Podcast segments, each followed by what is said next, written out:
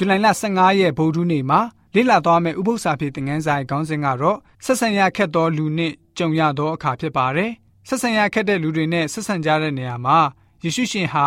ကျွမ်းကျင်သူဆရာကြီးဖြစ်ပါတယ်။နှုတ်နဲ့ရောအမူအရာနဲ့ရောလက်ခံသဘောတူခြင်းကိုပြသတတ်ပါတယ်။အဲ့လိုဆက်ဆံရခက်တဲ့လူတွေပြောတဲ့စကားကိုတည်တည်ချာချာနားထောင်ပေးပါတယ်။မိကွန်းတွေထုတ်ပေးတယ်။တဆင်ချင်းစီဖျားရှင်ရဲ့တမန်တရားတော်ကိုဖွင့်ဟဖော်ပြပေးသွားတာတွေ့ရပါတယ်။ ခက်ထန်ကြမ်းကြုတ်တဲ့နှလုံးသားတွေရဲ့အတွင်းသဘောတောင်းတလိုချင်မှုနဲ့အပြစ်သားတွေကြားကအဖိုးထိုက်တန်တဲ့ခွန်အားတကူတွေကိုယေရှုရှင်သိမြင်တော်မူပါတယ်။ယေရှုရှင်အကြောင်းကလွဲပြီးတော့ဘယ်သူတူဦးတယောက်ကမှဧဝံဂေလိလမ်းကိုမရောက်ရှိနိုင်ပါဘူး။ယေရှုရှင်ရဲ့တိကျတဲ့ခံယူချက်ကတော့ဝိညာဉ်တော်စာပေဖြစ်တဲ့ Egypt White The Desires of Ages စာမျက်နှာ258မှာဆိုလို့ရှိရင်နှဆိုင်စွာကြာဆုံးသွားတဲ့သူမရှိလွတ်လန်းမရှိတဲ့သူဆိုပြီးတော့မရှိ ခွတ်တော်မှာလွတ်ချင်းအခွင့်ကိုရှာဖွေတွေ့ရှိနိုင်တယ်ဆိုပြီးတော့တွေ့ရပါတယ်။ယေရှုဖျားရှင်ဟာလူတွေကိုတီးခြားအမြင်မျိုးနဲ့မြင်တွေ့ပါတယ်။ကျွန်တော်တို့မြင်တယ်လို့မျိုးမဟုတ်ပါဘူး။လူသားတိုင်းကိုမူလဖျားရှင်ဖန်ဆင်းစဉ်ရဲ့ဘုံတကူမျိုးထင်ဟပ်လျက်ရှိနေသေးတဲ့အကြောင်းယေရှုမြင်တော်မူပါတယ်။လူတွေဟာမိမိကိုယ်ကို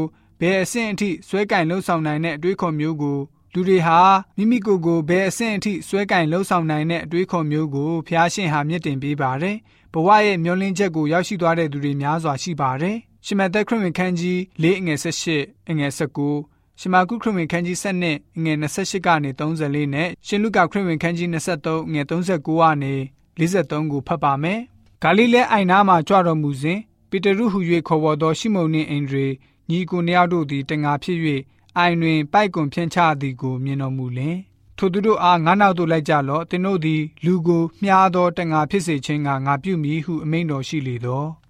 ထို့သောဆွေးနွေးညင်းခုန်ကြသည်ကိုကျမ်းပြုဆရာတယောက်သည်ကြား၍ကိုတော်သည်လျောက်ပတ်စွာပြန်ပြောတော်မူသည်ကိုသိမြင်လင်အထံတော်သို့ချီးကပ်၍ပညာတကာတို့တွင်အဘယ်မည်သောပညတ်သည်ပညတ်တကာတို့တွင်အဘယ်မည်သောပညတ်သည်တာ၍မြတ်တနည်းဟုမေးလျှောက်တော်ယေရှုက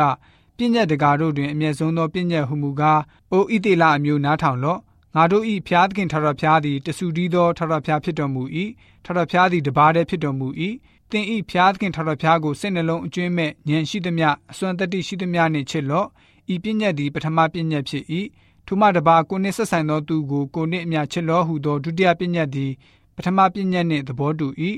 ဤပညတ်တို့ထက်တာ၍ကြီးမြတ်သောပညတ်မရှိဟုပြန်၍မိန့်တော်မူ၏ ကျမ်းပြုဆရာကလည်းအရှင်ဖျားအကယ်စင်စစ်ကိုတော်သည်လျောက်ပတ်စွာမိန့်တော်မူပြီးဖျားသခင်တဆူတည်းရှိတော်မူ၏ထိုဖျားသခင်မှတပါအခြားသောဖျားသခင်မရှိထိုဖျားသခင်ကိုစိတ်နှလုံးအကျွင်းမဲ့ဉာဏ်ရှိသမျှအစွမ်းတတ္တိရှိသမျှနှင့်ချစ်ခြင်းကိုနှင့်ဆက်ဆိုင်သောသူကိုလည်းကိုနှင့်အမျှချစ်ခြင်းအကျင့်သည်မိရှုသောရစ်ကောင်မှဆ၍ရစ်အမျိုးမျိုးတို့ကိုပူဇော်ခြင်းအကျင့်ထက်တာ၍မြတ်ပါသည်ဟုလျှောက်လေ၏ ထို့သောပညာသတိနှင့်ပြန်လျှောက်သည်ကိုယေရှုသည်သိမြင်လင်တင်းသည်ဖျားသခင်၏နိုင်ငံတော်နှင့်မဝေးဟုမိန့်တော်မူ၏နောက်တဖန်အဘယ်သူမျှမမေးမလျှောက်ဝံ့ကြ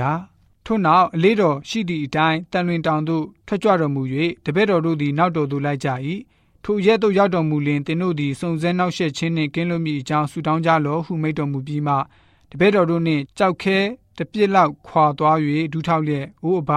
အလိုတော်ရှိလျင်ဤခွက်ကိုအကျွန်ုပ်မှလွဲတော်မူပါသို့တော်လည်းအကျွန်ုပ်အလိုရှိသည့်အတိုင်းမဖြစ်ပါစေနှင့်ကိုတော်အလိုရှိသည့်အတိုင်းဖြစ်ပါစေသောဟုဆုတောင်းတော်မူ၏ဆိုပြီးတော့ဖော်ပြထားတာတွေ့ရပါတယ်။သခင်ယေရှုဟာမိမိသွားတဲ့နေရာတိုင်းမှာဝိညာဉ်ရေးအင်အားတကူ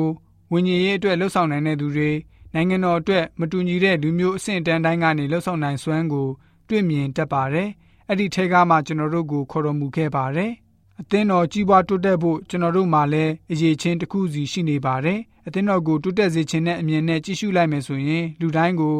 ယေရှုရှင်မြင်တွေ့တော်မူသလိုကျွန်တော်တို့ကြည်တက်ဖို့လိုပါတယ်။ထာဝရဘုရားရဲ့နိုင်ငံတော်အတွက်အောင်မြင်နိုင်တဲ့အင်အားရှိတယ်လို့ယူဆရပါမယ်။အသင်းတော်ကြီးပွားတိုးတက်စေဖို့နားဆွင့်ထားပုံကလည်းအရေးကြီးလာပါတယ်။ကျွန်တော်တို့ရဲ့ပတ်ဝန်းကျင်မှာမပြောမဆိုရဲတဲ့သူတွေရဲ့လိုအပ်ချက်ကိုလည်းပဲနားလည်ကြားသိနိုင်ရပါမယ်။ သူတို့ရဲ့စိတ်ထဲတောင်းတနေတဲ့အရာကိုကျွန်တော်တို့ကြားနိုင်မှုဖြစ်ပါတယ်။သူတို့မှာမရှိသေးတဲ့အရာသူတို့ကိုယ်တိုင်ကနေဖွင့်ဟမပြောသည့်တိုင်ကျွန်တော်တို့ကိုချင်းစာနားလည်ထားရပါမယ်။အခြားသူတွေရဲ့အသက်တာအတွက်ကိုချင်းစာနာအမှုတော်ဆောင်ရွက်တဲ့နေရာမှာတန်ရှင်းသောဝိညာဉ်တော်ရဲ့တကူတော်ပါရှိစေဖို့ဖျားရှင်ကိုဆုတောင်းမှုဖြစ်ပါတယ်။ဒုတိယတစ်ကြိမ်တုထိချင်းတကူမျိုးပေးတော်မူပြီးတော့တင့်ရဲ့နေ့စဉ်ဝေငါတက်တဲ့ခံတော်မူတဲ့အမှုတော်မှာ